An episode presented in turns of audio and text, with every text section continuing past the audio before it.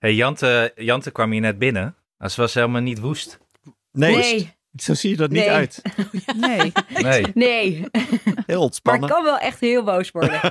Maar ik ben het niet meer de hele tijd. Ieder misschien, moment. Ik ben weer zwanger, dus misschien komt het als ik het tweede kind heb, Ah. dat ik weer echt razend word. Gefeliciteerd, Maar-. Gefeliciteerd. Dankjewel. Ja.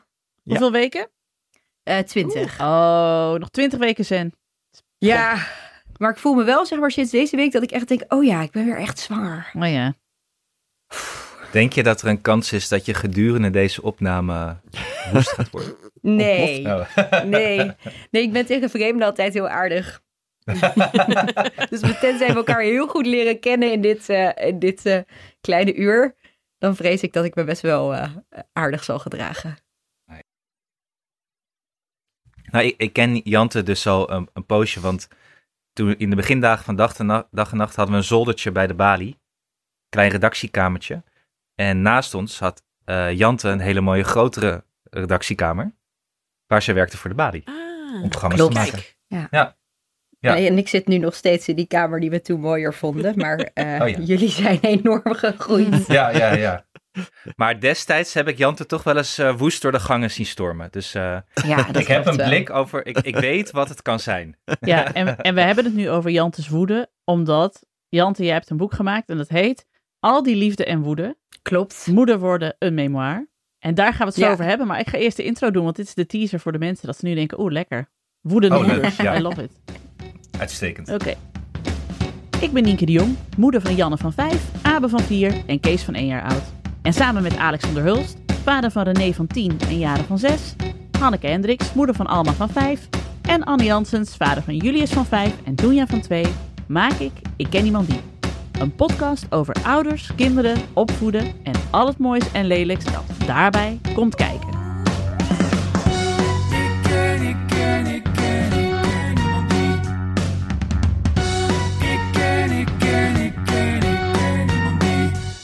Hopsakee. Nu staat er natuurlijk nog in het draaiboek, want dat laat ik gewoon elke week instaan. Eh, ik ken iemand die heet hele korte teaser update. Maar ik doe daar niet meer aan mee. Niks te melden. Ja, ik zeg nu gewoon even voor de luisteraar. eh, voor de luisteraar die wacht op een ik ken iemand die heet hele korte teaser update. Eh, de hele korte teaser is, ja, we zijn gewoon allemaal eh, dik en sloom aan het worden. Maar de zomer komt er weer aan in de zomertijd. Dus vanaf dan eh, komt het allemaal weer goed. Ho, ho, ho. Ik ben van de stress drie kilo afgevallen. Oh ja. Dus, Nou, dus jouw Anne heeft voor het is eerst in anderhalf jaar goed nieuws. stress. Ja, En dit blijkt gewoon voor mij het beste werken. Gewoon je rot werken en, en veel te veel werk op je hals halen en dan afvallen. Dat, dat, zo werkt Heel het. goed. En dat jouw eh, oplaadbare elektrische vouwwagen de batterij daar leeg van was. Heb ik ook gehoord. dit heb ik je in vertrouwen verteld, Oh, ja. jong. En toen moest je vanaf Dat is zo eh, gemeen. station Weespen lopen zo'n beetje. Nienke, Nienke, ben je je bewust van het feit dat je elektrische vouwwagen zijn en niet elektrische Ja, hier zijn inderdaad vouwwagen. Waar het hart vol van is. vol van is. Oh, mooi. Oh, mooi. Love it. Hey Alex, ben je ondertussen je correspondentie aan het bijwerken? Wat is dat gestommel Ja. allemaal? Ik hou voor Jeroen bij waar we zijn, zodat hij... Ik, dat, dat vond hij handig, toch? Oké, ja, dat is waar. Ja. Ja. Maar Dat moet je dat op aluminiumpapier, aluminiumfolie schrijven of wat is het? Oh, Dit is man. mijn Een bijteltje in een kleitablet? Ik schrijf niks meer op. Nee, wel, wel. Sorry, sorry. Schrijf maar. Nee. Ja, Zo hoeft het niet. Mag ik even beginnen? Sorry Jante, ik, maar dit, dit is ook voor jou een mooie mededeling. Dat eh, Hanneke Hendricks een, hit- een nieuwe hitshow Oh my heeft. god. ja. Wie had Want dat jullie gedacht? denken misschien allemaal, die Nienke de Jong, die timmert altijd lekker aan de weg met die podcast van Ja. haar. Ondertussen, als je de top 40 kijkt...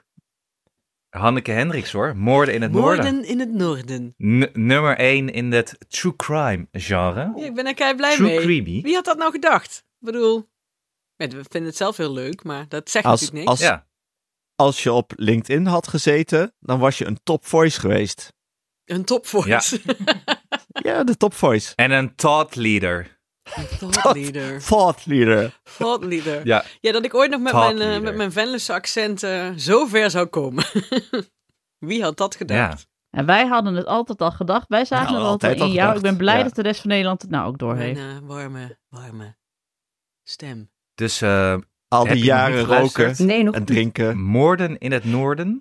Het zijn vreselijke verhalen over vreselijke gebeurtenissen in Scandinavië. En iedereen vindt dat fantastisch. Ja, het is wel af en toe even dat ik denk... Ja, het zijn echt heel goed geschreven verhalen en goed vertaald door Lotte Yes. Lentes. Het, zijn echt, eh, het is echt heel goed. En Hanneke die heeft echt de perfecte stem ervoor. Dus als je van een beetje griezelverhalen houdt, dan zit je bij Moorden in het Noorden helemaal het goede adres. Zo, service announcement. Yes. Ja. Dat heb Door ik met de show. Heel goed, jongen. Genoeg over moorden, ouderschap. En Ouderschap. woede. Oh, Ja. oh, stop. Wat gebeurt hier? Oh, schrijf maar op voor Jeroen dat er wordt geboord bij ons. Oh. Er dat gebeurt ook niet, altijd iets daar in Amsterdam. Wordt hier een, nie- een nieuw deel van het kantoor uitgeboord. Ja, we hebben meer ruimte nodig. hè? wordt weer een muurtje doorgebroken. Ja, Ah, ja. Die arme Basic Fit moet straks eh verkassen. Nee, maar ja, kunnen we? We kunnen. ja hoor, Ja? sorry. Ja. Oké, heel goed. Jante mag ook wat zeggen. Ja, Nou, Jante, nu komt jouw stuk. oh jee. Ik ken, ik ken, ik ken, ik ken niemand die. Ik ken niemand die. Jante, eh, hoeveel jaar geleden werd jij voor het eerst moeder? Ehm, drie. Drie jaar Drie geleden. jaar geleden. Ja. En toen je, was het een zoon of een dochter? Wie is het toen geboren? Het is een jongetje en hij heet Elio. Elio werd geboren en hoe voelde jij je, zeg maar, op het moment dat je moeder was geworden? Ja, ik had niet echt heel erg tijd om daarbij stil te staan. Eigenlijk ging het wel oké die eerste dagen, maar ik had ook wel het gevoel dat ik heel erg geleefd werd. Dus er werden die kraamvrouwen, die, ze- die kwamen en die zeiden een beetje wat ik moest doen. Eh, en dat deed ik. En eh, ja, het lijkt een beetje, ik vind dat zo gek als je terug, terugdenkt aan die eerste tijd, lijkt het bijna gewoon één dag. Dus dat al, al die eerste weken gewoon, nou ja, dat een beetje terug te brengen zijn tot één lange dag. Ehm, maar ik voelde me niet heel erg dat ik dacht, oh ja, ik ben nu moeder. Ik dacht meer, oh ja, zeker de eerste nacht. Want ons kind had ehm, eh, heel veel ehm eh, meconiumhoudend vruchtwater binnengekregen. Maar niemand had ons verteld dat hij dat, nou ja, dat dat er dan ook weer uit moest. Dus, die- dus zij dacht ook van, wat is dit? En, eh, en ik dacht ook wel, oh jee, oké, in leven houden. Ja. Dat vooral. Maar waren jullie echt heel... eh, eh, dan niet heel erg in paniek in het begin? De eerste nacht? Oh ja, absoluut. Ja. En eh, eh, dus, nou ja, we hebben er een filmpje van gemaakt. En dat dan eerst naar een huisarts gestuurde die we kenden. Met kun je, kun je iets zeggen over wat dit is? En hij durfde daar natuurlijk niks over te zeggen. Dus toen de huisartsentong, of de huisartsenpost gebeld. En die zeiden, ja, dat komt allemaal wel goed. Je moet alleen even opletten of zijn tong niet blauw wordt. En toen dacht ik, ja, eh, ik wist, ja, ja, je bent een ik wist dag helemaal moeder. niet, Hoe doe je dat dan? Ja. Trek je dat er dan uit? Of doe je die mond dan open? Of hoe werkt dat? Ehm, dus toen hebben we maar ja, geprobeerd een beetje te kijken. Maar ja, ik wist ook helemaal niet hoe maak je de mond van een... Ja, Kan je gewoon de mond van een baby openmaken? Hmm. Ja, hoe doe je dat? Ja, en sowieso, eh, dit zijn best wel complexe vragen voor iemand die net een dag moeder en vader zijn. ge- Dat is best wel heftig. Ja, ik bedoel, hoe blauwig is een tong van zichzelf al Ja. van een baby? Weet je wel? Nou ja. nou ja, op dat moment wist ik denk ik niet eens hoe de kleur blauw Ja, eruit zag. Ja, en wat, wat, wat me ook opviel die eerste dagen bij je eerste kind, is dat jij het idee hebt dat, je, dat iemand met luciferhoutjes een bootje heeft gemaakt. En, eh, en dan komt er iemand binnen en die behandelt het alsof het er gewoon een stuk steen is. Want die weet hoe een kind in elkaar zit. En dan je schrikt je ook dood. Ik, oh, kan dat allemaal? Ja. Ja. ja. Maar los van dat blauwe tong lijkt me nooit goed nieuws is. Wat betekent dat als je een blauwe tong had gehad? Dan, Nee, dat, dan, dan was er echt een probleem geweest. Ja, oké. lijkt me verder logisch. moesten we het Blauwe tong gewoon lijkt me maar- nooit goed, maar... Nee. Oké. beetje uitzingen die, die nacht. Dat was eh, een Ja. beetje, ja, dat was de boodschap. Ja. En dat hebben we wel gedaan. En ehm, wanneer in dit hele proces van eh, een kind krijgen kwam bij jou de woede om de hoek? Ergens in die eerste weken. Dus niet die, nou ja, net daarna. Dus die eerste weken ging eigenlijk alles wel goed. Of althans goed. Die eerste weken waren we wel gewoon aan het overleven. Op een manier dat ik dacht, oké, dit, dit is oké. En toen die, maar toen daarna, toen, ook toen ik wat, wel weer wat meer ging doen. Toen was er dus één moment wat ik me nog heel goed kan herinneren. En dat kwam ik thuis en ik was een avond weg geweest. Voor, nou niet voor het eerst, maar wel voor een van de eerste keren. En ik kwam thuis en eh, mijn vriend zat op de bank een filmpje te kijken van Trump. Wat dat speelde toen heel erg. En het kind lag wat slapen. En het was gewoon echt een enorme troep. En de flessen waren niet gesteriliseerd, terwijl ik moest kolven. En toen werd ik echt zo ontzettend woedend. Terwijl als ik er nu aan terugdenk, denk ik ook wel, ja, dat was echt niet proportioneel. Dat sloeg helemaal nergens op. Maar ik ben gewoon echt razend geworden. En, en voor die tijd werd je nooit woedend. Ja, wel. Ja, zeker wel. Nee, ik, ben, ik denk dat ik ook wel, zeg maar... eh, nou, ik denk dat ik altijd wel redelijk driftig iemand ben geweest. Ehm, dus ik kon wel, nou ja, wat Anne zei, dus op werk als er iets gebeurde... of iemand, nou ja, iemand die op het laatste moment afzegt op een hele slechte reden... dan kon ik daar altijd wel echt pissig van worden. Maar dit was wel anders. Ja. En En was- ik denk ook wel, dus, dus ja, mijn zoon had heel erg die heluurtjes. Oh. En dat was echt verschrikkelijk. Dus, er, dus, dus, maar het, is, ja, het voelde wel als een andere woede. Echt, nou ja, in die heluurtjes is het een beetje ontstaan. Dat ik echt zo'n constant gevoel van, ja, echt frustratie en woede wel voelde. Maar je kan, je kan natuurlijk pissig worden, hè? Op je werk ben je, ben je dan pissig, je kan boos Ja. worden. Maar je kan ook echt, wat je zegt, ik Echt werd razend. razend. En hoe ziet dat eruit bij jou? Wat gebeurde er? Ja, gooien met spullen ook wel. En schreeuwen. En ook echt weg willen uit het huis. Dus dat ik echt dacht, ik moet hier nu weg. En ik moet gewoon een heel stuk... Dat doe ik nu wel vaker als ik boos ben. Omdat het ook wel een vrij eh, goede manier is om het kwijt te raken. Dus dan ga ik gewoon een stuk lopen. Ja. Totdat ik weer eh, een beetje, nou ja, gekalmeerd ben. Ja. Was het gericht eh, toen die ene keer eh, op je vriend of in het, gewoon echt in het algemeen woedend? Allebei. Dus die ene keer wel echt op, op mijn vriend. En ook wel vaker omdat ik hem wel... Nou ja, hij staat ook dichtbij. Dus hij is ook makkelijk eh, eh, prooi om eh, alles wat er mis is qua seksisme in de wereld op bot te vieren als een man. Ehm, maar en soms is het ook wel... Nou ja, soms dan had hij wel gezegd dat hij iets zou doen en dan deed hij dat niet. Wat ik zelf ook heel vaak doe. Maar dan, nou ja, kon ik wel lekker zeg maar dat alles wat er misging op hem projecteren. Maar er zat ook wel een diepe onvrede in. Nou, onder andere wat ik heel moeilijk vo- vond was hoe ongelooflijk afhankelijk je wordt van een kind. En dan Ja. bedoel ik niet zozeer van het kind, maar van je vriend. En van dat hele, nou ja, ze zeggen altijd it takes a village. Hanneke Maar ik zegt vond dat, heeft, heeft Hanneke bedacht, hè? Ja, wat goed. Ja. nou ja, Dat dacht ik, maar het was, bleek Oprah Oprah heeft te het zijn. van maar- Hanneke. Ja. ja. Oh. nou ja, vind ik een hele mooie uitspraak. En is ook helemaal waar. Maar ik vind die village, ik vind dat wel echt iets waar je hem ook heel erg mee opgezadeld wordt. Dus dat vond ik wel, eh, ik vond die afhankelijkheid, die, af- dat afhankelijk zijn van andere mensen echt heel Ja, dat je niet gewoon kunt zeggen, hey, ik stap nu de deur uit en ik ga dit doen. Ja, Ja. dat is Ja. geestelijk.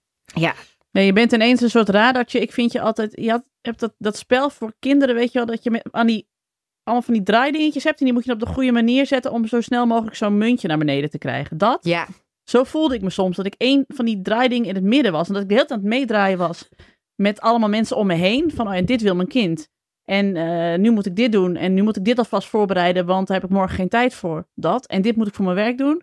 Maar dat ik nooit meer even los kon en gewoon kon draaien. Ja, nee. Je bent nooit meer los. nee. Nee, je, je hebt altijd anderen nodig. Het is dus ook niet, dat is misschien wel even goed om vast te stellen, het is niet die eh, hormonale fase twee weken tot, tot dan twee weken na je bevalling, waarin je dus allerlei emoties kan doormaken. Dat Tot aan dus negen niet. maanden na je bevalling. Ja, dat Hulst. ik weet niet eh, eh, hoe snel jij er doorheen was. Die Maar... Ik was daar eh, best snel doorheen eigenlijk, maar eh, Ja, je hoeft er niet op een bandje te gaan zitten op een stoel. nee, na een weekje was het wel goed. Oké. Nee, maar ik heb die woede wel gezien, dus wel binnen die twee weken toen er gewoon eh, eh, een of andere klusser eh, te lang doorging en eh Cynthia hier met een eh, baby zat. Nou, die, die heb ik echt woedend, woedend gezien. Maar dat was echt, dat had ook met die hormonen te maken en de situatie. Maar dat is echt iets anders dan wat jij vertelt. Ja, ik denk misschien wel dat het, nou ja, het zal er, het, het zal er wel lang mee te, ja, mee te maken hebben. Ik heb ook wel lang borstvoeding gegeven. Dus ik had die hormonen wel best een tijd. Maar op een gegeven moment moet het dan wel weggaan. En ik merkte gewoon, die woede ging gewoon niet echt weg. En waar uitte zich Of dat in? althans, ehm, nou, dat ik wel veel ruzie maakte met mijn vriend. Maar ook heel erg echt eh, me heel erg gevangen voelde. Dus ik dus dat dus echt een boos gevoel had. En daar ook zelf wel ongelukkig van Ja. werd. Ehm, en dacht, waarom ben ik nou zo boos? Dus ook en heel ontevreden. Dus dan, dan waren er eigenlijk heel veel leuke dingen ook in mijn leven. En dan vond ik het heel moeilijk om. Ik vond het heel. Ja. Heel moeilijk om dan daar ook echt enthousiast over te zijn. Want ik was ook de hele tijd een beetje bozig. Kun je daar een voorbeeld van geven? Ehm, moet ik even nadenken. Ja, ja. Ik- op een gegeven moment was ik eh, voor... Dat is iets anders, maar dat heeft er wel mee te maken. Toen was ik voor werk een paar dagen eh, in New York. Wat echt fantastisch is. Op, op bezoek bij een eh, regisseur daar. Om te kijken naar hoe hij voorstellingen maakt. En eh, dat was echt te gek. En toen, eh, toen mijn zoontje was toen één. En toen was onze eh, vlucht vertraagd met 24 uur. En ja, hoe kun je daarover zeiken? Want je hebt een extra dag in New York. Dat is echt waanzinnig. Maar ik vond dat zo. ik vond het zo lastig dat ik. nou ja, überhaupt weg was gegaan. Maar ook dat ik had gezegd dat ik terug zou zijn op die dag. En dat ik er dan, dan niet terug was voor mijn kind. Dat ik echt daar helemaal niet het, het leuke van die dag kon van die extra dag waarin je, nou ja, we naar het eh, Metropolitan zijn geweest, wat waanzinnig is. Ja. Maar ik kon gewoon het leuke daar niet van inzien, omdat ik de hele tijd me, eh, ja, niet schuldig voelde, maar ook, ook vond dat ik het, nou ja, iets had moeten nakomen, een belofte aan hem, aan mezelf, en dat niet nagekomen was. Ja. Ehm, en als ik dan, en daar was ik dan boos over. En dat is dan wel, dat was voor mij wel echt een woede die dan de rest, ehm, eh, ja, dat die eigenlijk alles opslokte. Dus die, dat ik dat dan kon parkeren. Ja, want als je die woede niet kunt parkeren in het Metropolitan Museum of Art in New York, dan weet je dat de woede best wel diep in je zit, zeg maar. Ja, Dat, absoluut. ja. als je het er daar niet uitkrijgt. Maar heb je met dinosaurusbotten lopen gooien? Oh nee, dat is het Natural Museum. Nee, dat- Nee, maar ik liep wel dat ik echt... Met mummie en sarcofagen omver lopen trappen daar. Nee, maar ik begreep wel waarom mensen af en toe gewoon zin hebben om zo'n mes zo gewoon in zo'n schilderij. ja, ook weer begrip gekregen voor dat soort mensen. Maar ga je dan ook eh, eh, in die momenten ga je dan ook conflicten opzoeken, bewust, om het ergens op te kunnen richten? Hanneke heeft ooit verteld dat ze dan, eh, wat, wat zei je nou Hanneke, dat je, keer, eh, dat je Oh, in de supermarkt tegen iemand opliep en dan gaat, ze, gaat doen alsof die ander tegen jou opliep. En toen Oh, moest ik heel veel hormonen slikken voor, eh, voor, om zwanger te worden. En toen was ik heel agressief, omdat dat dan heel veel, adren- of heel veel testosteron ook aanmaakte schijnbaar. Als ik het, ik, ik weet niet of ik dat nou goed zeg. Maar dan ging ik op straat, per, ja, dan, dan, dan op de stoep liep ik toch een keihard tegen iemand aan en keek ik echt om van, jezus, kijk ze uit. dat was, en ik weet nog dat dat echt super lekker was om te doen. Dat ik dacht, ja. En dan diegene was ik echt, wat? Weet je wel, ik loop hier maar nee, maar ik, Ja, dat is heel, ja, het is wel herkenbaar. Het is heel herkenbaar. Ja, want het is ook in, ik snap ook waarom mensen, ik bedoel, ik keur dat niet goed, ik doe het zelf ook niet. Maar ik snap ook waarom mensen soms bij het stoplicht uitstappen en iemand anders willen slaan, weet je wel? Als iemand loopt te drukken de hele tijd. Ik, ik voel die emotie wel. Dat je denkt, ik ram jou Ja, maar het is dus iets waar je- Ja, Waar je in, in zeg maar, opvoedboeken weinig over leest. ja niet dat eerste jaar. Nee, want ik heb, bedoel, ik weet ook nog, ik kan nog heel goed, ik zie mezelf nog, ons huis in Utrecht binnenkomen. Had ik een boodschap gedaan of zo. En Tom was wezen fietsen of zo. Ik denk dat Janne ook iets van negen maanden was. En dat ik merkte van, dat die vijf minuten naar de winkel waren de enige tijd die ik voor mezelf had. En dat ik dat ineens, dat ik dat ineens besefte van, ik heb helemaal geen tijd meer voor mezelf.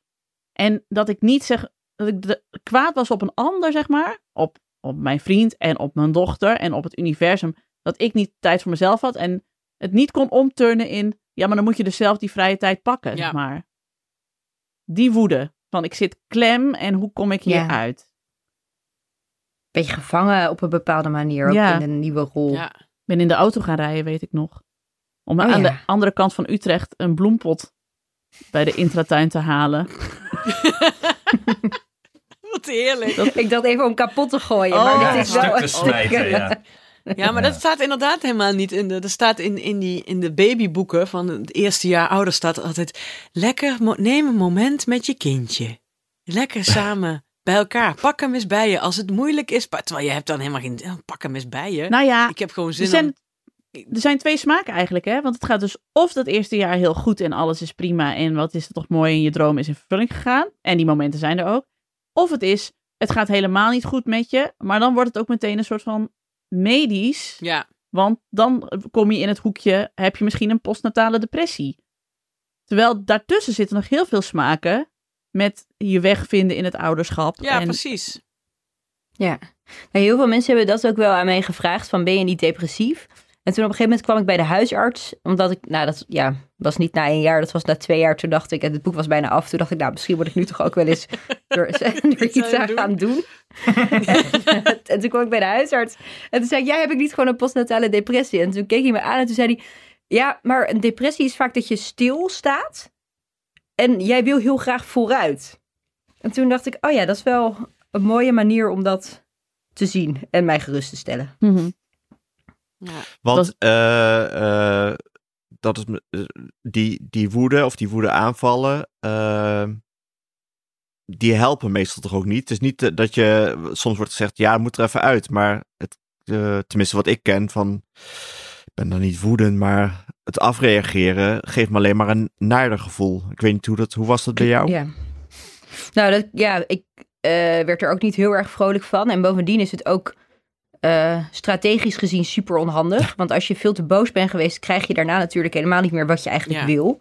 Want dan moet je weer je excuses maken en het goed maken. En dan ben je eigenlijk de verliezende partij. Dus dat was niet zo handig. Maar het klopt ook wat je zegt, want het, ehm, uiteindelijk ben ik wel in therapie gegaan. Eh, echt een beetje anger management. En die mevrouw zei, ja, woede, de, de woede aanval duurt vaak maar anderhalve minuut. Dus je moet het anderhalve minuut gewoon uitzingen. En als je die anderhalve minuut, als je daar overheen kan, dan kun je het veel beter Dus toch het het- ouderwetse, het, tot, eh, rustig het houden. ouderwetse tot tien tellen, toch? Ja, Oh, wauw. In Ja, het kussen schreeuwen. ja. En gewoon het is bij je houden en niet. En gewoon proberen uit te zingen en Ja, niet ja. op ingaan. Omdat het alleen maar dan. Dus het is. Ja, zij zei eigenlijk als je het eruit gaat gooien, dan is het niet alsof het minder wordt. Dan wordt het vaak alleen maar meer. Ja. Oh, wat Ja, ja. goed. Dus het moment dat je voelt van dit is niet, oh ik ben, word heel kwaad, dan moet je dus eigenlijk even op de wc gaan zitten met je ogen dicht. Anderhalve minuut. Oh, Ja. Ja, lukt mij niet. maar ik probeer het wel. goed om te weten dat er een escape is. Ja, Ja, postnatale agressie kun je dat dan eigenlijk gaan noemen als ziektebeeld nu. Ja, ja. Maar dat Ja, is, dat zo is ook, ook wel wel- voor je, misschien ook voor je, eh, voor je partner om goed te weten. Van, dat je weet van, oh, dat komt nu. Dat is anderhalf minuut. Daar moet ik in ieder geval zeker die anderhalf minuut niet gaan voeden.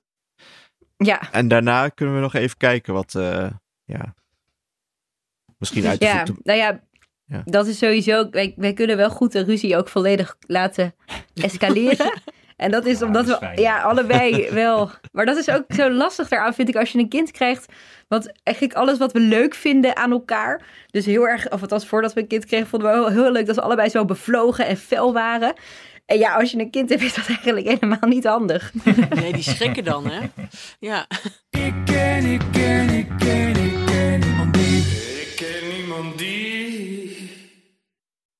Ken ik, ken ik, ken ik, ken ik, ken iemand die. Gaat toch in je hoofd zitten, hè, dat nieuwe tuentje. Hebben jullie dat niet? Nou ja, goed. Annie hier dus. Korte dienstmededeling. Eh, sorry daarvoor dat ik even inbreek, maar ik weet niet wat er aan de hand is hierna met mijn microfoon. Als je straks weer verder gaat luisteren, dan zul je merken dat ik een beetje gek klink. Alsof ik onder water zit. Alsof ik ineens een eh, onderzeeboot ben ingedoken. Of alsof eh, Jante, die zat naast me tijdens die opname, alsof ze nogal ruw een zak over mijn hoofd heeft eh, geduwd. Die ik op moest houden. Nou is ze wel eens boos, maar zo boos was ze niet. En zeker niet op mij. Hoop ik, denk ik. Maar ja, goed. Ik denk dat het mijn kabel was die even los was geraakt of zoiets. Want later in de opnames eh, klink ik weer fantastisch. Zoals altijd natuurlijk. Maar ja, sorry daarvoor. Ik klink gewoon gek straks. Even wennen. Niks aan te doen. Ehm, ja, nu ik hier toch zit. Laten we gewoon meteen dan even ook de, de, de sponsor benoemen.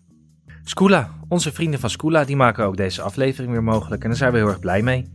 Eh, ik gebruik, zoals jullie misschien inmiddels zelf weten, thuis zelf Scoola. Julius gebruikt dat op de iPad.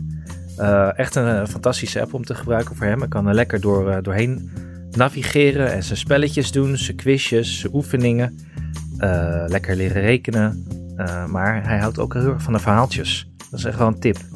Laat ze even die verhaaltjes zien. En dan zijn, ze ook, eh, zijn de kinderen ook wel even goed zoet mee. Nou ja, goed. Zoals jullie weten is Scoola een online oefenplatform waar kinderen op een leuke manier kunnen oefenen met de lesstof van school.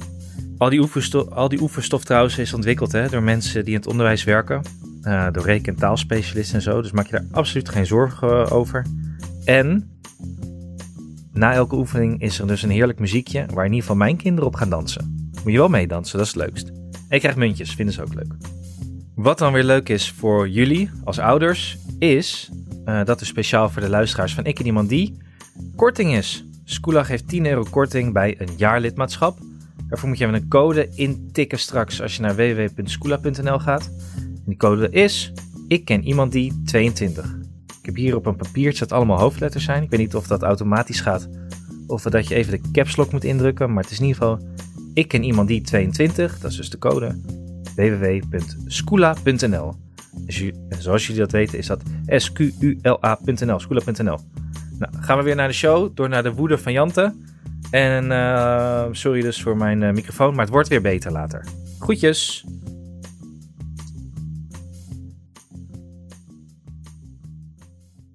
Maar na, na die eerste keer dat je me spullen had gegooid, toen heb ik daarna weer goed gemaakt, neem ik aan. Ja, En was je waarschijnlijk geschrokken van wat is dit nou? ja, Nou heb ik dat een keer. Maar toen had je het daarna nog een keer. ja. En, Gewoon af en toe. Ik en, toen, en ja. ja. toen ineens werd het een soort iets, iets permanent aanwezig, of niet? Ja, ja, wel een beetje. Of althans, ik merkte gewoon dat ik steeds vaker echt wel boos werd. En ook wel met die woede dan een beetje bleef ja, rondlopen. Maar he- hebben jullie dat, ja, hadden jullie dat? Dat je af en toe echt in woede kon ontsteken? Of, Nou, ja, we hebben sowieso dat Alex heeft de, de term eh, opvoeden met gebalde vuisten. Weet je wel, dat je zo echt maar verbijten. eh, maar echt, eh, nou, hier hebben we wel in ons huishouden dat de, de deuren moeten het meestal eh, ontgelden. Dus we hebben ook een deur die gaat ook heel moeilijk nog op slot. Omdat daar toen de sleutels tussen kwamen te zitten. Terwijl Doris die super hard dicht sloeg. Terwijl die naar buiten rende. dus, en er is ook een deur, daar zit de klink scheef van, weet je wel. Dus ik denk dat wij wel veel die anderhalve minuut op de, besteden aan het wegstormen uit de ruimte. Nou ja, ik denk dat dat klopt. Ik, de- ik denk dat, dat, dat misschien wel iedereen hetzelfde heeft. En dat het een heel verschil is. eh, of dat iedereen verschilt in hoe uit je het. Van of, ofwel de deur of wat ik doe, is het heel erg naar binnen duwen. En dan voedt het binnenin je, die anderhalve minuut. Wat ook niet gezond is. Nee, wij hebben hier wel de afspraak dat je. ehm, oh, dat je niet op het moment suprême, zeg maar, tegen elkaar loopt te schreeuwen. Dus dat je echt even. eh, als je overdag je iets dwars zit of zo, dat je dan. Misschien dat je even wegloopt of zo, weet ik veel. En dat je s'avonds dan zegt: hé, hey, wat je toen deed, vond ik echt niet relaxed. Want. En dat is meer voor mij hoor, want Tom is altijd heel relaxed. Heeft niet zo heel veel issues. En ik kan soms echt dan inderdaad, net als Alex, een beetje imploderen. Van, oh, fuck. Ik vind het echt verschrikkelijk. En dan komt het op een gegeven moment allemaal eruit. Maar ik heb dus wel geleerd om dat dan... Want omdat ik altijd ook begon te huilen en zo. En dan altijd met die zinnen van jij altijd en ik nooit. Of andersom. ja, En dat, ja, ik denk, dit is ook niet de manier. En nu gaat dat veel beter. Dus dan zeg ik, voordat we gaan slapen, zeg ik, oké, nog even hierover. Ja. En dan kunnen we weer een grap over maken. En dan zeg ik ook altijd van ja, toen had ik echt onwijs veel zin om je op je bek te slaan. En dan moet hij keihard lachen, want dan weet hij, oké, nu is het gevaar wel geweken. en dan heb ik ook echt zin om hem op zijn bek te slaan. Maar wat je ik heb zegt. vooral dat eh, moment wat je net, eh, wat je net beschreef. Dus dat herken ik heel erg. Thuiskomen, rond, en, Ja. en dan ben je al moe of, of je hebt ja, niet altijd zin om naar huis te gaan. Ik denk, Vroeger was ik misschien naar het terras gegaan en had ik wat langer kunnen blijven. En nu ga ik naar huis, want Ja. ik moet naar huis. ja. En dat je dan thuis komt en dat het dan zo teringbende is. Ik ben ook een keer ontploft op zo'n moment. Terwijl ik, ik ben helemaal niet heel net persoon. Ik vind het niet heel erg belangrijk of zo. Ik heb een, we hebben het wel eens gehad, ik heb een gezellig huis. Ja, precies. Ja. Hebben- we hebben- Ik heb ook een gezellig huis. Ik heb een gezellig huis, maar ik, ik ken dat moment heel erg. Van, Ja. Maar dat was bij mij heel erg teleurstelling. ja. Nou ja, In heel ook veel dingen. In mezelf ook gewoon. dat je daar een punt Van maakte. Dat ik daar een Ja. punt van maak, maar ook dat ik daarover val. Maar ook, ook hoe ben ik hier beland? Ja, Dat ik hier Ja. ruzie over wil maken. Ja, Ja, maar het is vaak ook iets Ja. zoeken om die agressie op de bot vieren. Want dat herken ik ook wel. Dat je dus al boos bent en dan kom je dus niet over... Stel, Doris is niet thuis en dan kom ik niet over die anderhalve minuut heen. En dat je dan eigenlijk zit te wachten tot hij thuis komt. En dan, wat ik dan wel eens doe, dat, vind, dat mag ik eigenlijk niet meer. Van door, dat ik dan eh, tegen, dan komt hij binnen en dan doet hij, pompt hij door een beetje, loopt hij, zo hangt hij zijn jas op. En dan zeg ik, wat is er aan de hand? Waarom ben je zo zakrijnig? En dan ga ik hem eigenlijk net zo lang tergen tot hij kwaad wordt. En dan word ik boos omdat hij boos wordt. Dat is eigenlijk, en hij heeft dat nou door. Dus hij zegt vaak, nee, je bent ruzie aan het zoeken. Ophouden, zegt hij dan. Dus hij altijd zo pruttelend dan zo, eh, ja. Maar ik denk wel wat... Niks dat ik vervelender... eh, eh, Sorry, één ding aan. Ik vind, er is niks dat ik vervelender vind als Mia tegen me zegt... Er Oh, iets? ja, is Ja, echt verschrikkelijk. Wat ben je stil, wat denk je aan? Ja. ja. Ja, maar dat is gewoon, het zit hem in wat jij zei, Jante. Die, dat vind ik heel goed, die, die verbindenis die je dus voor altijd met elkaar aangaat. Dat je altijd onderdeel bent van een geheel. Want waarom Anne ook kwaad wordt op Mia als ze het huis niet heeft opgeruimd, is omdat ze aan elkaar verbonden zijn. En dat je dus, als je binnenstapt, dat Anne dan weet, ja, als jij niet opruimt, dan moet ik het doen. Er zijn geen andere smaken meer. Vroeger werd je boos op jezelf omdat je iets niet had opgeruimd. En nu word je boos op de ander omdat die het niet heeft opgeruimd. Omdat je aan elkaar vastzit. Omdat je weet, alles wat jij laat lopen, is voor mij. En ik heb al zoveel. Ja. Ja. Maar het is ook En dan kom je dus in die, in die gesprekken van jij altijd en ik nooit. Wat kut is. Ja, maar is het ook niet dat, ja, wat Jante ook zegt, het is ook het besef, wat er allemaal veel later komt, is een soort eh, gevoel van, oké, ik zit vast en ik kan dit niet meer, het frustreert me. En eigenlijk komt daarna nog van, stel dat ik, wat we ook vaak zeggen, stel dat ik niet vast zat, had ik dan iets anders gedaan? Dat is meestal het antwoord, is ook nu weer nee, want dan Ja. blijf je toch weer thuis met je onopgeruimde huis. Ja. En dat, eh, dat helpt niet echt, dat, dat beseft. Maar het haalt misschien nog net wel een beetje dat, top, dat topje eraf. Wat misschien net het puntje is wat je eraf wil hebben. Mhm. Je, je blijft je, je kut voelen natuurlijk. Maar je weet dat het niet de schuld is van de ander of van. eh, of dat je er ook niet veel aan kan doen. Nee, dat is. Ja, wat, ik- wat voor mij ook wel lastig was daarin, was dat ik, dat ik heel erg het beeld van wat ik van mezelf had moest bijstellen. Omdat ik dacht dat ik heel erg een onafhankelijk iemand was. En daar ook heel erg trots op was. Dus dat ik, ik woonde vanaf mijn 18, nou ja, mijn 18 had ik in mijn eentje in Montpellier gewoond. En vanaf mijn 18e, vanaf mijn 19e woonde ik alleen in Amsterdam. Mijn studie, ik werkte altijd, zeg maar. Ik had echt, ik kon het echt heel erg zelf. En dat was heel, dat, nou ja, dat vond ik echt ja, vind ik nog steeds echt belangrijk in, in wie ik ben. Dat ik een nou ja, sterk individu was, ben.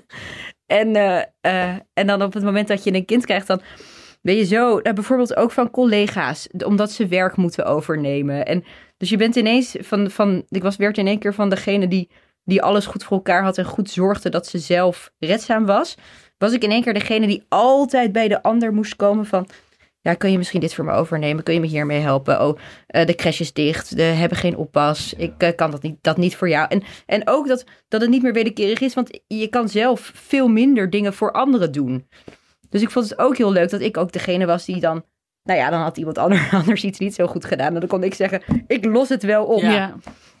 Hier ben ik. Ja. Maar dan was Ja, je dat- ook heel dat- erg bezig met, als ik het zo hoor, met het beeld dat anderen van je hadden. Of een in, Ja. de indruk die je eh, wilde Ja. maken. Ja, ik wil altijd wel graag voldoen aan, aan verwachtingen. En ik, vind, ik ben een beetje bang voor, voor, voor mensen. Eh, het heeft misschien ook wel met mijn werk te maken. Dus eh, op het podium, als je op het, nou ja, op het podium staat voor zo'n zaal, dat is eng. En ik denk dat ik daarvan ook wel heb geleerd. Dus dat ik heb een paar keer meegemaakt dat dat echt wel om kan slaan. Ook in een soort van vijandigheid naar jou als gespreksleider. En ik ben daar, daar misschien daardoor, of misschien had ik dat al langer, maar wel af en toe een beetje bangig voor, voor mensen. Of kan ik zijn. Dus ik vind het fijn als mensen denken, oh, die is oké. Ja. Dat is een, zeg maar, ook een soort, uit een soort van, ja, vaag gevoel van, van veiligheid. Het is gewoon veiliger als mensen je aardig Ja. vinden en je mogen. Dus ik, ik was er altijd wel mee bezig, want dan, nou ja, dat, en dat, ja. En dan ga je ervan uit dat mensen je mogen omdat je altijd voor ze klaar staat. En omdat je altijd werk kunt overnemen. Omdat je nooit zeurt. Omdat je nooit problemen hebt. Dat is dan... Dit is heel herkenbaar hoor trouwens. Maar, Ja. Ja, ja. gelukkig. Ja. Ja. De perfecte Nou, je wordt versie. ineens van, van Ja. de onafhankelijke sterke vrouw die je was naar een afhankelijk. Werd Ja. je ineens van een andere mens om dingen voor je op te lossen. Want je kan niet meer alles zelf. Nee. Nee. Ik het En daar werd dat je razend van. Ja. ja, vond ik echt verschrikkelijk. ik, nee, ik had het hier laatst met Joris Luijendijk over toevallig.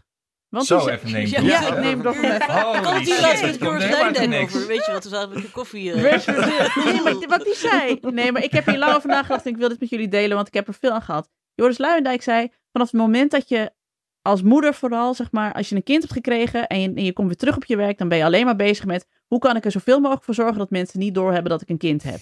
Dus Ja. nee joh, Ja. ik doe dit wel. En ik doe het dan wel s'avonds als hij slaapt. Of eh, nee joh, het boeit niet. Oh, heb ik een vlek in mijn, heb ik een lekkende tito? Haha, ik doe even een andere blouse aan. Weet je wel zo. Eh, terwijl hij zei, het feit alleen al dat je het allemaal naast elkaar kunt doen. Daar zou je toch op aangenomen moeten worden. Dat mensen op je cv kijken en zeggen, wow, heb je dit allemaal gedaan? En heb je een kind? Wat een fantastische ja, natuurkracht ben jij wel niet, zeg maar. Dus je moet daar veel meer gaan etaleren van, kijk, ik heb een kind gekregen. Eh, ik, heb- ik kan nu nog veel meer dan voorheen. Alleen moet ik soms afbellen omdat mijn kind ziek is. Maar voor de rest kan ik nog veel meer dan voorheen. Want Ja. ik weet niet of het met jullie is, maar ik ben veel productiever Ja, ik ook. sinds ik kinderen heb. Sinds die vaste werktijden ook. Gek ja, genoeg. nou ja. En ook gewoon, ik heb gewoon geen tijd meer voor gelul en voor een om- omlanterfanten. Ik ben gewoon meteen aan het produceren. Baam, baam, baam. Ja, moet je dus maar- ja. trots en, pakken. en ook, ja, en ook hou je totaal, hou, stop met rekening houden met jou, eh, met die 25-jarige die je zelf ook was, die totaal niks snapte van een 40er of een eh, eind 30er met kinderen. En altijd Yes. dachten, ja, waarom, waarom ga je naar huis? Eh, we kunnen hier tot 7 uur blijven zitten, toch? Ja, Echt, die mensen Ja. en die persoon die ik zelf ook was, daar echt, eh, laat me zitten. Maar je moet om dat te doen, denk ik ook wel. En ik denk dat dat ook misschien wel was waar ik ook boos over was. Dus om dat te doen, moet je ook heel erg voor jezelf opkomen. ja. Op een bepaalde manier. Dus je moet. Ik eh, was gewoon niet zo goed in het aangeven van mijn grenzen. Ja. Maar dat, dat moet wel. Want Ja. je kan niet jezelf wegcijferen en moeder zijn. Nee. Nee. Dat gaat niet. En ik denk dat ik misschien ook wel boos was over dat ik dat de eerste 29 jaar van mijn leven veel te weinig had gedaan. dus, dus over wie ik was en dat ik zoveel, nou ja, meer voor mezelf had kunnen opkomen. En dan in plaats van zoveel had, nou ja, eh, eh, eh, dingetjes zo achter de schermen had gedaan zonder daar de credits voor te, voor te nemen. Dus misschien een beetje boos over wie ik, wie ik was. En, ehm, maar ik denk ook wel dat die woede was, zeg maar, voor dat voor mezelf opkomen. Het was misschien een beetje extreem. Maar het was op zich ook wel nuttig. Ja. Op een grimmige manier. Ja. Ja, want wat ben je nou uiteindelijk gaan doen? Want je merkte, ik ben vaker boos nu. Dit, dit zit nu in mij. Mhm. Ben je daar, ben je, nee, je bent pas later dus naar de huisarts gegaan om te checken Ja. van ben ik, ben ik misschien depressief? Maar wat Ja. ben je gaan, je bent Nee, gaan schrijven Ik, ga eigenlijk. schrijven. ja, ik heb het, ja, ik ben gaan uitzoeken van waarom, nou ja, waarom ben ik dan zo boos? En, en hoe kijken we ook naar woede van vrouwen en eh, eh, naar afhankelijkheid en onafhankelijkheid. En, en eh, toen vond ik onder andere een boek van Adrian Rich, Of Women Born. En dat is, nou ja, is 45 jaar geleden eh, verschenen. Maar dat gaat ook, zij schrijft eigenlijk heel erg al over die woede en over dat controleverlies. Dus dat vond ik heel erg eh, nuttig. En ik heb dus tegen mijn vriend gezegd... wat, wat schrijft zij erover dan? Wat, wat, wat haalde je daaruit? Nou, dat, het, dat je op het moment dat je gevangen, dus dat je, het, dat je, als je het idee hebt dat je geen opties hebt, of dat je opties heel erg beperkt zijn, dat je je gevangen gaat voelen en dat dat woede voor zorgt. Dus je moet zorgen dat je verschillende opties hebt. Maar dat ging eigenlijk automatisch, want toen heb ik tegen mijn vriend gezegd, ja, ik wil dit boek gaan schrijven. En ik heb daar echt tijd voor nodig. En hij is wel altijd heel erg aanmoedigend in, in en bemoedigend in, in eh, zulke eh, projecten. Dus toen kreeg ik ook weer meer tijd voor mezelf om dit dan te gaan doen. En had ik echt een, nou ja, een project nog naast mijn werk. Wat ook een soort therapie was. Ja, nou ja, ja, op een bepaalde Ja. manier wel. Want je hebt gewoon iets, eh, iets voor jezelf naast je werk en Waar je je kind. controle over hebt. ja, en controle. Ja, Ja, en Dus, gewoon die ehm, tijd dat je even, als je aan een boek werkt en je ruimt daar tijd voor in. En dan heb je ook tijd om even op te staan, naar de keuken te wandelen, een kop koffie te zetten, uit het raam te kijken, koffie te drinken en terug te wandelen. En dat zijn volgens mij de momenten die ik bijvoorbeeld met die lockdowns zo miste. ja, Dat je dan de hele tijd de afzuigkap, zo noem ik het altijd, dat, alsof, weet je wel, alsof de afzuigkap de hele tijd aanstaat. Want iedere keer als je het kantoor uitkomt, is er iemand die eh, iets van je wil, weet je wel. Dat vond ik, ook- dat is denk ik ook een ruimte creëren. Dat er dus tijd is om, vooral voor schrijvers, denk ik. Maar misschien wel voor Hmm. iedereen. Dat er tijd is om eh, even, even na te, en dat, dat je gewoon niks, dat er gewoon even, dat je even na kunt denken. Of gewoon even uit het raam kunt kijken, zonder dat er meteen iemand aan je, aan je mouw trekt. Ja, dus, en dat werkte dus goed toen. Toen je dat Ja. ging doen. dat scheelde wel heel erg. En wat ik ook heel erg eh, hoopgevend vond, was waar ik ook wel mee worstelde, was dat idee van, nou ja, wat een natuurlijke moeder is. En ik, eh, dus- dus ergens las ik dan in die eerste weken na mijn, zwanger, na mijn bevalling, las ik dan, ja, een, een baby heeft vijf babyhuiltjes. Oh ja. En eh, die ga je herkennen. Ja. Maar ik hoorde echt, maar ja, echt, echt niet. Ik had gewoon ge- het eerste jaar geen idee wat mijn kind wilde als hij huilde. Nee. Ik haal Gewoon- water hoor, voor En dat mij hele, en Jante. dat is goed. en dat hele idee van, je weet wel wat je kind wil, je voelt dat wel. Ehm, en toen heb ik een aantal dingen gelezen over dat juist die ambiguë gevoelens, dat die natuurlijk zijn. Ja. En dat je, nou ja, eh, Sarah Blatter Hardy, eh, bioloog, die, die, die zegt ook, nou ja, die schrijft er onder andere over dat dat, dat maternal heart of darkness, zo noemt ze dat, vind ik heel mooi. Heel mooi. Dat dat, ja, Ja. Dat, dat dat nu iets is wat, waarvan we doen alsof dat pas net ontdekt is. Maar zij zegt nee, dat is heel normaal. En dat zie je ook heel erg bij dieren. Eh, hoe grof gezegd ook dan. ehm, als een leeuw bijvoorbeeld maar één of twee eh, eh, jonkies werpt. ehm, dan vindt ze dat soms de, de investering die het van haar vraagt niet waard. En dan bijt ze ze dood. Oké. Wat Ja, nou, echt heel speaking is. of maternal heart of darkness, nou, daar zitten we wel, ja. Ja, het is echt heel grimmig. Maar daarvoor moet er dus, om dat te doen, om zelf te overleven, moet er dus soms een bepaalde.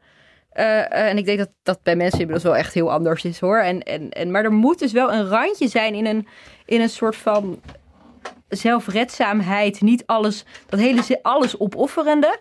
Daarvan zegt zij, ja, dat is gewoon onzin. Ja, dat kan toch Dat ook slaat niet? helemaal nergens op. Nee. Nee, volgens mij heeft het ook te maken. Ik had een hele wijze, hele zweverige overigens, eh eh, zwangerschapsyoga mevrouw. En die had altijd praatjes aan het begin. En die zei, had, op een gegeven moment had ze het over. Zei ze, nou, en ik ken iemand die heeft vijf kinderen. En die, die vrouw zei. God ja, bij elk kind was het anders. Bij de ene dacht ik, eh, die werd geboren. En ik dacht, oh, ik weet precies hoe die in elkaar steekt.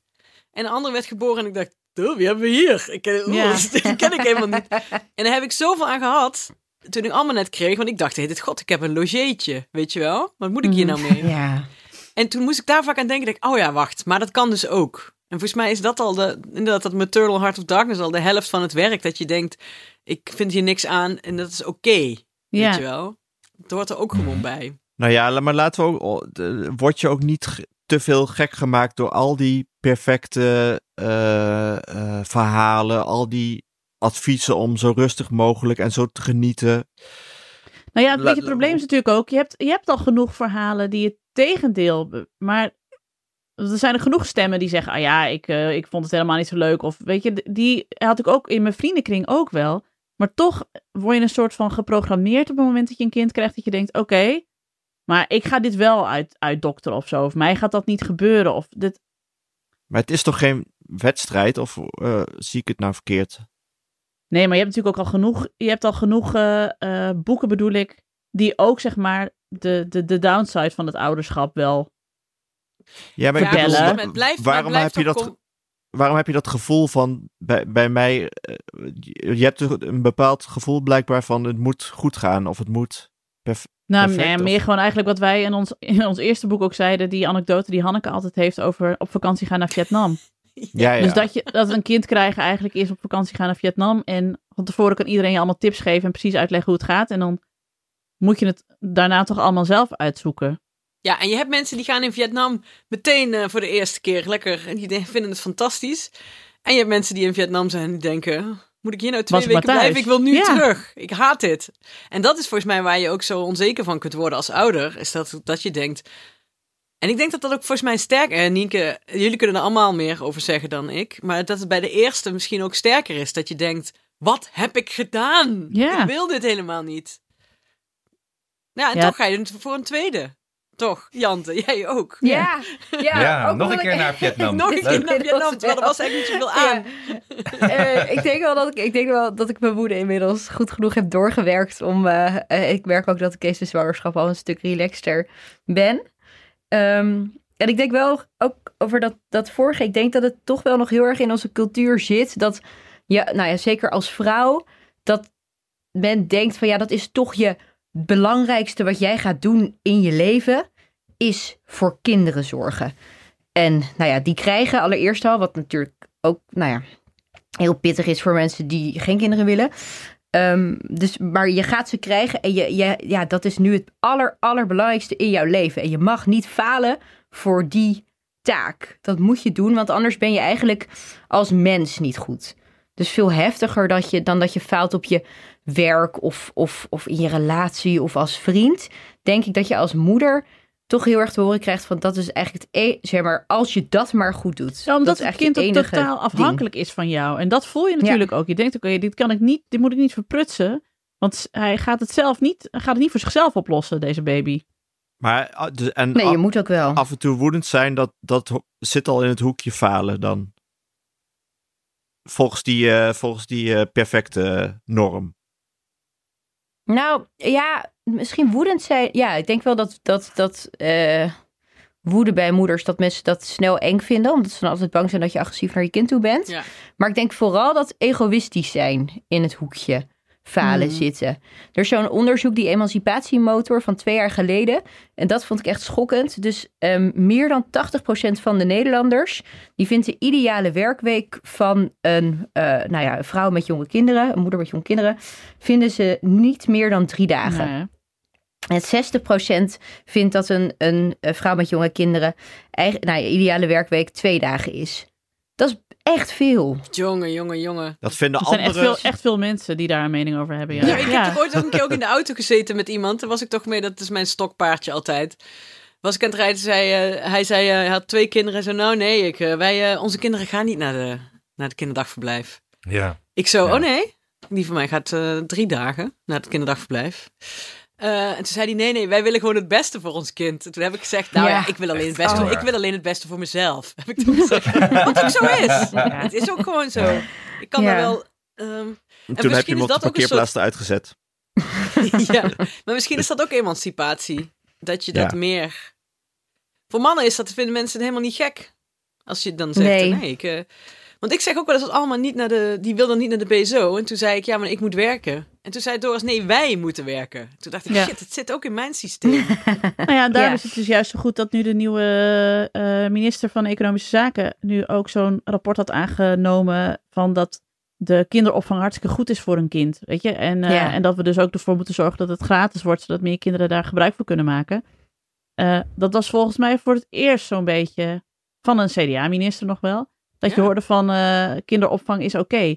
Ehm, terwijl je dus, we hebben natuurlijk de afgelopen 80 jaar gehoord van nee, eh, eh, het kind kan ben best je, maar thuis. thuis ben je woedende moeder. Dat Ja. is ja, dat is Vijf dagen, Dat is zeven gezellig. dagen in de week. Ja, Ja. Ik heb laatst per ongeluk gelogen bij de kinderopvang over dat ik zelf ook een dag thuis ben.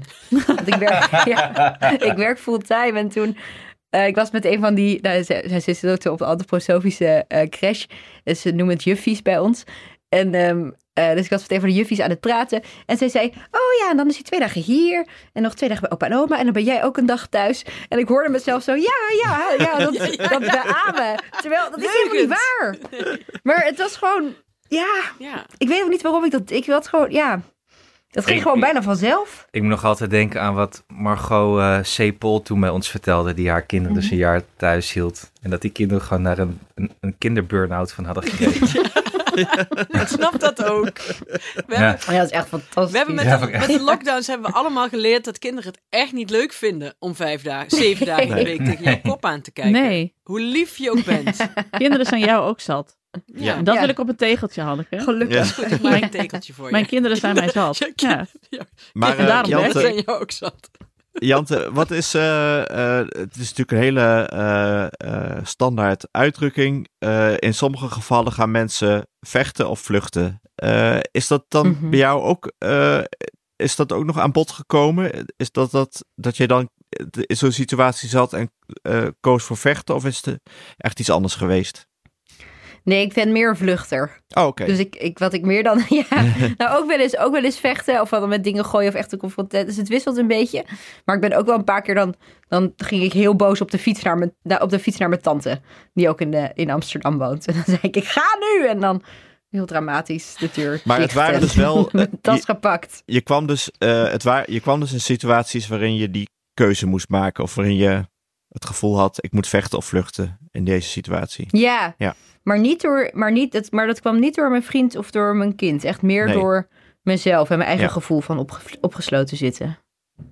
Ja, en dan roept dat dus eh, dat in je op. Ja. Ja. Dat ik dan denk, ik moet hier nu weg. Ik wil hier nu weg, want Ja. ik voel me niet fijn. Ja. Maar je hebt dus eigenlijk geleerd van het, van het schrijven van dit boek dat je dus eigenlijk niet van houdt om voor jezelf de ruimte in te nemen, zeg maar, die je nu wel moet innemen en de grenzen die je moet stellen en zo. Zijn er nog Ja, meer dingen die je hebt geleerd van het schrijven van het boek? Waar andere ouders die nu beginnen aan een kind ook wat eh, een voordeel mee kunnen doen? moet ik even nadenken. Nee, ik denk dat dat wel echt de belangrijkste les is. Dus dat je echt, nou ja, dus ook al ben je dat niet gewend, dat je het voor jezelf moet, voor jezelf moet opkomen. En wat ik ook wel goed vond om te ontdekken, was dat ik, ja, dat het ook oké is om ergens heel erg op terug te komen. Dus ik, ik dat ik, ik had zo'n idee van dat ik zo'n, ja, een kind er eigenlijk wel een beetje, nou niet bij kon doen. Maar dat ik nog steeds wel, wel, ik dacht ook met werk, als ik dan naar het buitenland moet, ja, dan neem ik hem gewoon mee. En ehm, eh, dat is natuurlijk echt super naïef. Ehm, maar wat ik wel interessant vind aan het. En wat ik geleerd heb met het schrijven van dit boek en het hebben van een kind, eigenlijk vooral aan het, het hebben van een kind, is dat je telkens ook terug moet komen op wat je eerder dacht. Ja. Dus, ik, dus het is ook wel een heel erg. Ik was ook wel een heel principieel iemand. En ik heb wel geleerd dat het ook heel prima is om je principes te laten varen weer. Ja, weer. En weer. En weer. En nog een keer. Ja. Ik zag laatst op Twitter iemand voorbij. De, stond zo'n quote wat iemand had gezegd van nou, eh, als, eh, mijn kinderen mogen later nooit filmpjes kijken. En dan had iemand daarboven gezegd, imaginaire kinderen zijn echt het makkelijkst om op te voeden. zeg maar. Ja. Mijn imaginaire kinderen waren ook echt perfect. En, toen, Ja, en ik was ook de perfecte imaginaire moeder trouwens. ja, consequent ook. Oh, ja. Oh, Fantastisch. Maar goed. Ja. Als ik al niet consequent voor mezelf ben. Wat kun je tegen jezelf zeggen als je in zo'n moment zit en het gevoel bekruipt je, ik zit hier vast, ik zit hier de rest van mijn leven aan vast, iedereen is van me afhankelijk, ik kan hier niet weg. Dat is heel erg een cliché, maar het wordt echt beter. Ja. Natuurlijk. Ja. Dus het wordt, nee, het zeker toen mijn kind op een gegeven moment ging praten. Toen Ja. dacht ik wel, ah, oké, Ja. Dit Ja. begrijp ik. Absoluut. En wat je, maar wat je eigenlijk ook, wat ik nu deed, het probeer te denken. En dat is niet het meest, dat is het lekker egocentrisch. Maar ik denk gewoon de tijd niet de confrontatie aangaan, want dan ga je verliezen. Hmm. Dan krijg je gewoon niet wat je, zeg maar, je wil meer ruimte voor jezelf. Als je nu ruzie gaat maken, dan ga je uiteindelijk minder ruimte voor jezelf krijgen. Dus Ja. hou het in, hou het in, hou het in, hou het in. Mhm. En op een ander moment. En, en niet boos worden, want, want, want dat is niet effectief voor, om te krijgen wat je wil. En Ik ook heb zelf dingen ook wel lo- eens- loslaten, of niet? Ja, zeg jij maar, Alex, sorry. Oh nee, ik heb zelf ook wel eens dat ik denk, ja, ik zit hier misschien aan vast, maar dit zijn wel, dit is, zijn de leukste mensen om aan vast te zitten. Want ik heb ook nergens aan vastgezeten en gedacht, ja, wat moet ik hier nou? Wat, dit, dit is, ja, wat, Zat ik moet maar ik met ergens aan vast. Ja, Ja. precies. ja, Ja. Yes. ja. Nou, het wordt nog beter, Jante. Dan gaan je kinderen straks eh, naar school. Ja. En dan word je net zo rustig als Alex nu is. Alex is helemaal, is helemaal een soort zenmeester geworden. Ja, die heeft zijn midlife ook meteen doorheen Ja. geknald. Daar is hij nou ook doorheen. Nou, Ja. wat lekker. Het is een soort van eh, Boeddha geworden. Een soort Die kans dat er iets echt misgaat, wordt, eh, ehm, wordt ook minder natuurlijk. Dus, ik, dus, dus hoe ouder ze worden, het is toch ook een beetje dat ze dan steeds weer in de, in de, in de veilige zone komen. Dus bij zo'n baby van, van nou ja, het, eerste, het eerste jaar, dan kan er de hele tijd ook, daar was ik ook heel bang voor, Ja. onderhuids iets zijn wat niet goed is. Ja. En wat je gemist hebt. Misschien is hij wel ziek. Hij is nu ziek. Hoe ziek is hij? Wanneer moet ik naar de dokter? Wanneer moet ik naar het ziekenhuis? En, eh, en dat wordt ook wel. Dus nou ja, dat lijkt me zo lekker van als ze wat ouder zijn dan. Dat je, nou ja, dat is een beetje op het veilige eiland. Mm. Ja, kunnen want dat is ook dat ze inderdaad kunnen vertellen wat er is. Weet je, in plaats van Ja. dat je denkt, ze huilt. Want Alma had, die huilde altijd heel veel. Toen kon ze net praten en toen weet ik nog dat ze op de keukenvloer... En ik dacht altijd, er is misschien echt iets, weet je wel. Ja. Toen lag ze op de keukenvloer en het eerste woord dat ze kon zeggen was... Drie lettergrepen, gek genoeg, geen mama, geen papa, was bananen. en toen lag ze op de keukenvloer te schreeuwen van bananen. En toen dacht ik, oh, die heeft gewoon honger. Ja. Weet je wel? In plaats van, oh nee, ze is ongelukkig, er is iets mee, er, is, eh, er moet Ja. iets ergs, weet je wel? En dan op een gegeven moment, ja, het eerste jaar is natuurlijk het zwaarst.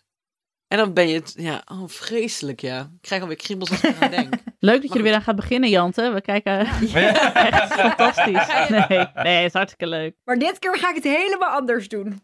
Nee, maar dit keer, dit keer ga je het ook helemaal anders Ja. doen. Want je, want je bent een andere moeder geworden. En de meeste En dat kind is helemaal anders. Nou, Ja. ook nog eens een keer. Nou ja, en maar ook dat vind ik altijd met de gesprekken die ik met mijn vriendinnen hierover heb. Dat je eh, in het eerste jaar van je eerste kind nog heel erg kunt denken inderdaad van... Ik moet alle ballen hoog houden en het hangt allemaal van mij af. Want dit kind is afhankelijk van mij en mijn werk moet doorgaan en mijn huis moet er leuk uitzien en mijn relatie moet goed blijven.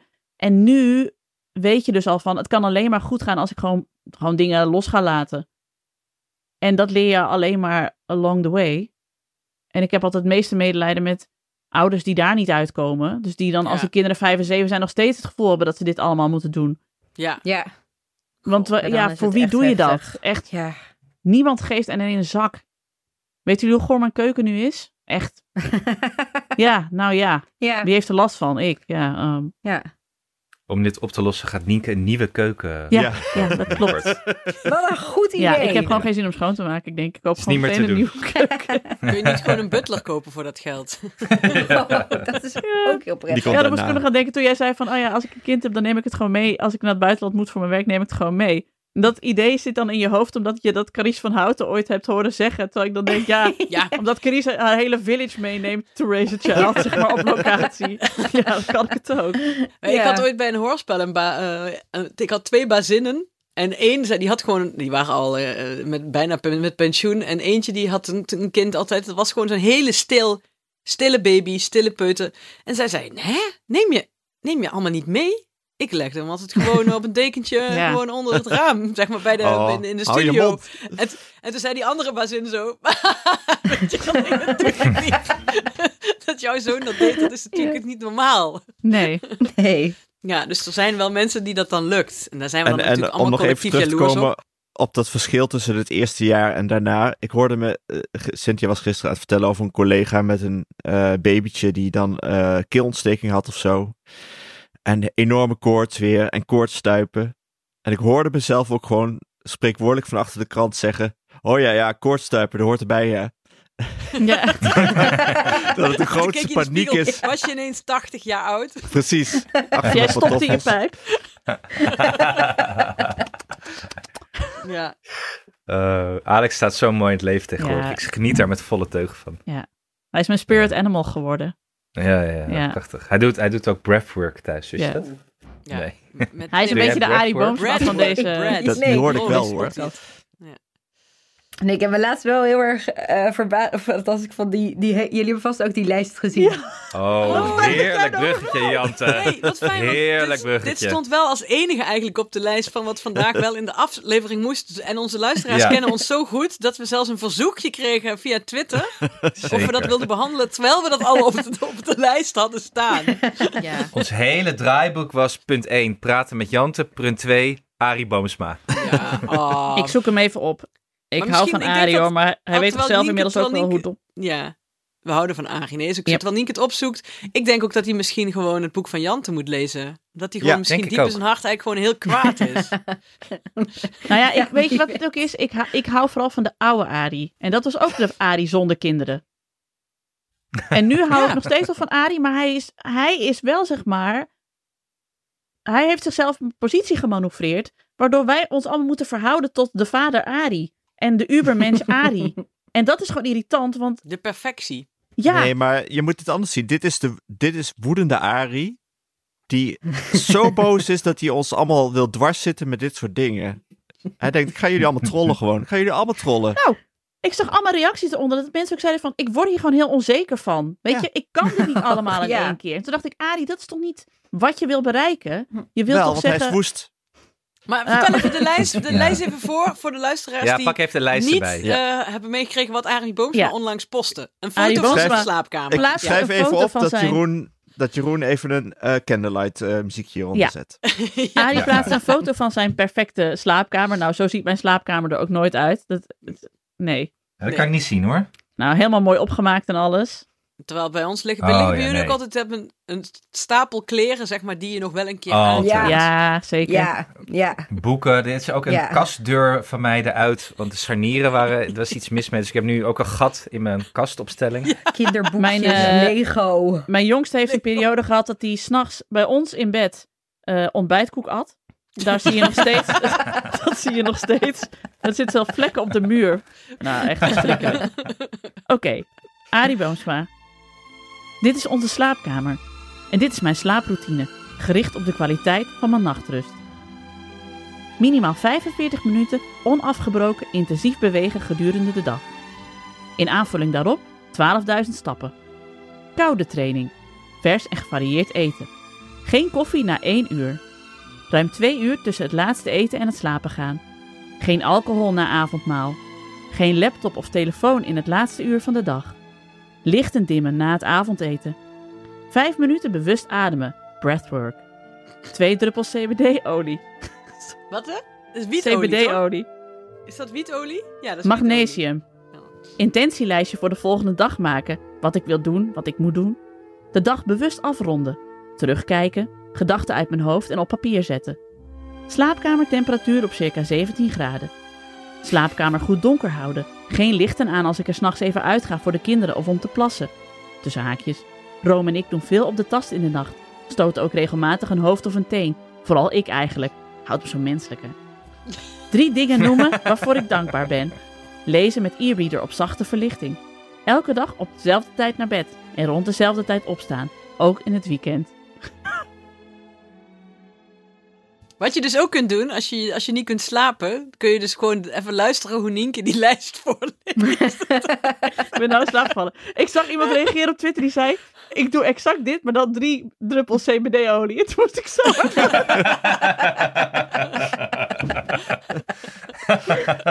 maar hoe? Je hebt drie kleine kinderen. Hoe kom je dan aan elke dag drie kwartier sporten? Allah, maar dan ook nog 12.000 stappen. Hoe? Ja. Nou, die 12.000 stappen haal ik ook wel als ik een dag met de Ja, kinderen dat ben. is waar. Dat lijkt me niet het moeilijkste. Ja, maar... en toen zei iemand ook, te, er was ook heel veel reacties. dat Mensen zeiden, wanneer poets je dan je tanden? Vieze Arie. Papa. maar Nee, maar de ellende is toch gewoon dat dit zo vreselijk rigide is. Ja. Dat Het is toch niet dwang. te Dit is doen. dwang, Dat is gewoon- dit. Ja. Dit is een dwangneurose. Ja, maar ik denk toch ook, misschien moet ik dit doen. En dan wordt mijn leven echt beter. Dat denk je Ja, maar toch dat- een seconde, Ja, hè? dat denk Nee. ik. Ja. Ik denk, ik denk, Ik heb oh, de ook helft. die koude douchedingen gedaan. Maar Ja, gewoon- omdat ik gewoon dacht, dat moet. Ik moet gewoon koud douchen Ja, elke oké, ochtend. ik heb ook dat is wel eens koud verschrikkelijk. Hoe lang heb je het volgehouden? Hoe lang heb je het Ja, volgehouden? echt een maand of zo. Oh, wauw. En Ja, ik ja, Toen dacht ik, wat ben ik aan het doen. doen? Dit is vreselijk. ja, waarom? Ik las ooit in een interview van met Loes Luca dat ze dat altijd deed en dat ze daar hele stevige borsten door had gehouden. En nu moet ik altijd denken als ik onder de douche sta van, als ik stevige borsten wil, ik weet wat Luca heeft gedaan en ik doe het alsnog niet. Dus ja, Nee, nee. Nee, precies. Ik moet zeggen, ik doe, het, eh, veel beter. ik doe het allemaal. Alleen dat het moment van eh, elke dag eh, op tijd naar bed gaan, hetzelfde tijd naar bed gaan, dat lukt me niet. Want ik moet dan op vrijdag kijk ik extra laat nog eh, eh, MMA-gevechten waarin mensen elkaar tot bloedens kapot slaan. Omdat dat, dat ik het heel fijn vind voor het slapen gaan. En dan moet het toch even uit bij mij. dat is jouw moeder. Ja, Is dat echt zo? ik kijk wel MMA-gevechten. Ja, dat vind ik wel echt heel fijn. En dat die zijn op Eurosport altijd tot, eh, tot half één s'nachts. Zo ben je die zenmeester Ja, geworden. maar Arie houdt toch ook heel erg van, van MMA vechten? Ja, Zeker. dan moet je, als je af en toe iemands keel dichtknepen ziet, dan eh, kom je ook wel tot rust. Ja. Ik geloof dat toen, toen dit rondging, dit had gelezen, dat ik de dag daarna eh, wakker werd en om me heen keek. En twee kinderen lagen in het grote bed. Een bak Ben Jerry's. En mijn telefoon lag gewoon nog op mijn hoofd. De lichten waren ook allemaal nog aan. Maar Nou, je het hebt niet je kutte is, hij zet het op, hij zet het op Instagram Nee. en hij, hij meer uit een soort van, misschien kan ik jullie mee helpen, kijk maar wat je ermee doet. Ja, want het zijn maar wij interpreteren het allemaal zo van, wat moet ik nou weer allemaal van Arie? En dat is het, de woede. ja. Het is ook Ja, gewoon een, een het to-do-lijstje van. Arie die hij niet doet. Nee, ik voel me daar ook niet, ik voel me daar gewoon niet door aangesproken. Maar pas zei iemand bij het schoolhek ook van, eh, nee, nee, ik, eh, ik, ik, ik trek wel altijd, eh, ik ga nooit in mijn joggingbroek de straat op. ik, ik en eh, Linda hier uit de straat, wij zo, oh, oké. Maar dat is, ik, ja, dan denk ik, wie, wie, wie doet dit toch allemaal? Nou ja, goed. Wat is daar mis mee, trouwens, dan? Wat is dat? Ja, nee, dat kan niet Een anders. keeping up appearances ding? Ja. Wat is dit dan? Je gaat ook niet, Ja, je moet gaat ook niet in je trainingsbroek naar je werk. Ja. Maar ik ga echt vaak in mijn joggingbroek naar, eh, terwijl ik niet eens sport. Ik kwam vanochtend mijn moeder tegen op het eh, schoolplein en ik, ik dacht van, is het nou een hippe kimono? Volgens mij is het gewoon je duster. Ben je gewoon zo, ze woont ook vlak bij school. Volgens mij was ze gewoon echt gewoon zo de Kan bed ik voortaan in mijn uitgestapt. kimono naar school? Dus ik wilde ook echt zo high five zo. Lekker bezig jij. Noem de naam niet uit privacyoverwegingen, maar echt goed bezig. Not caring. Goed gedaan, Els. Was niet Els. op een andere school.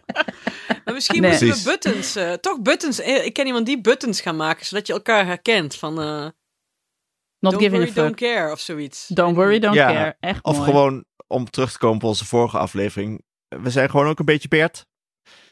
Lekker in de, in wit- Bert. lekker in de witte slip naar school. Op de sandalen. Precies. Ja, voelde, ja, Maar het lijkt me wel leuk om hier volgende week op terug te komen. Of jullie in de tussentijd allemaal even jullie eh, avondroutine willen opschrijven. En dan gaan we die ook voorlezen. Met een muziekje eronder. met wokkels. Want ik moet wokkels eten s'avonds tegenwoordig. Heel erg Oh, graag. Maar, eh, maar en, moet en, wokkels en eten. Jante, ik wil echt wel graag, als je bevallen bent, het eerste half jaar af en toe een voicebericht van jou. Ja, Dat is goed. Heel Misschien graag. ook alleen maar als je denkt van ik word nu woedend, dat je dan denkt, Ja, ik stuur even een mag je naar voicebericht naar, Hanneke ik ken doen. iemand die. Ja, Dan spreek ik iets in. Anderhalf ja doe het maar naar ons. Ja, Ja. Ander, dat, dat is een heel goed idee. Ja, mag gewoon. Je mag ook gewoon schreeuwen. krijsen op de achtergrond. Het liefst juist. Ja. Schreeuw gewoon alsjeblieft naar Ja. ons dan. Ja, dat is goed. En dan eh, plakken we dat zonder enige inleiding gewoon Precies. achter een aflevering. De mensen die gewoon elke Leuk. week luisteren, die eh, snappen gewoon wat jij En ik wil, het, ik wil je ook gewoon horen schreeuwen. En jullie met je kut podcast. Ja, Hou gewoon je bek. Ja, ja. Ik vond het heel vervelend om dat toe te zeggen. We praten de hele tijd door elkaar heen. Waarom hebben jullie überhaupt kinderen? Ja, Hey, dat eh, komt helemaal jongens. goed. top. Ik moet een jongen van het eh, schoolplein halen. Mijn zoon is vandaag voor het eerst aan het wennen op school, jongens. Dus ik moet hem Yes. gaan Oh, ophalen. Ja, die eh, gaat jou niet graag zien komen, denk ik. Dat denk ik ook niet. Die wordt een beetje kwaad. Ga maar weg. Maar we gaan het je meemaken. Dat hij al weg moet. Ja. Een woede-uitbarsting. Zeg ik nu voor, tegen, de, tegen de luisteraar. Ehm, ben je nou ook een eh, jonge ouder of ben je er eentje geweest? Dan eh, kunnen wij jou van harte het boek eh, van Jante eh, aanraden. En dat heet Al die liefde en woede. Moeder worden een memoir. Ja, dat memoir is een beetje een grapje. Dat vond ik Maar het is gewoon lekker, klinkt gewoon lekker een memoir. Ja. Echt fantastisch. memoir. Dus dank Jante dat je hier Dank. aanwezig wilde zijn. Heel gezellig dat je Heel was. lief dat ik mocht komen. Echt hartstikke leuk. Dank jullie wel. Dit was hem weer. Dank aan mijn vaste tafelgenoten Alex van der Hulst en Hanneke Hendricks. De productie was in handen van Anne Janssens. De montage is gedaan door de getalenteerde Jeroen Sturing. Mocht je ons iets willen vertellen, heb je een tip of een vraag of een avondroutine? Kom dan naar onze Vriend van de Show pagina. Voor een klein bedrag kun je Vriend van de Show worden, waardoor je ons de gelegenheid geeft om nog meer mooie afleveringen te maken. En op Vriend van de Show kun je onze spin-off Ik Ken Iemand Dieet volgen, al waar we gewoon allemaal weer heel dik zijn geworden. Op Twitter heten we Ik Ken Iemand Die en ons mailadres is ik@dagenacht.nl. Dank voor het luisteren en tot de volgende. Tot de volgende Dag. week. Doei. Dag lieve mensen. Doei.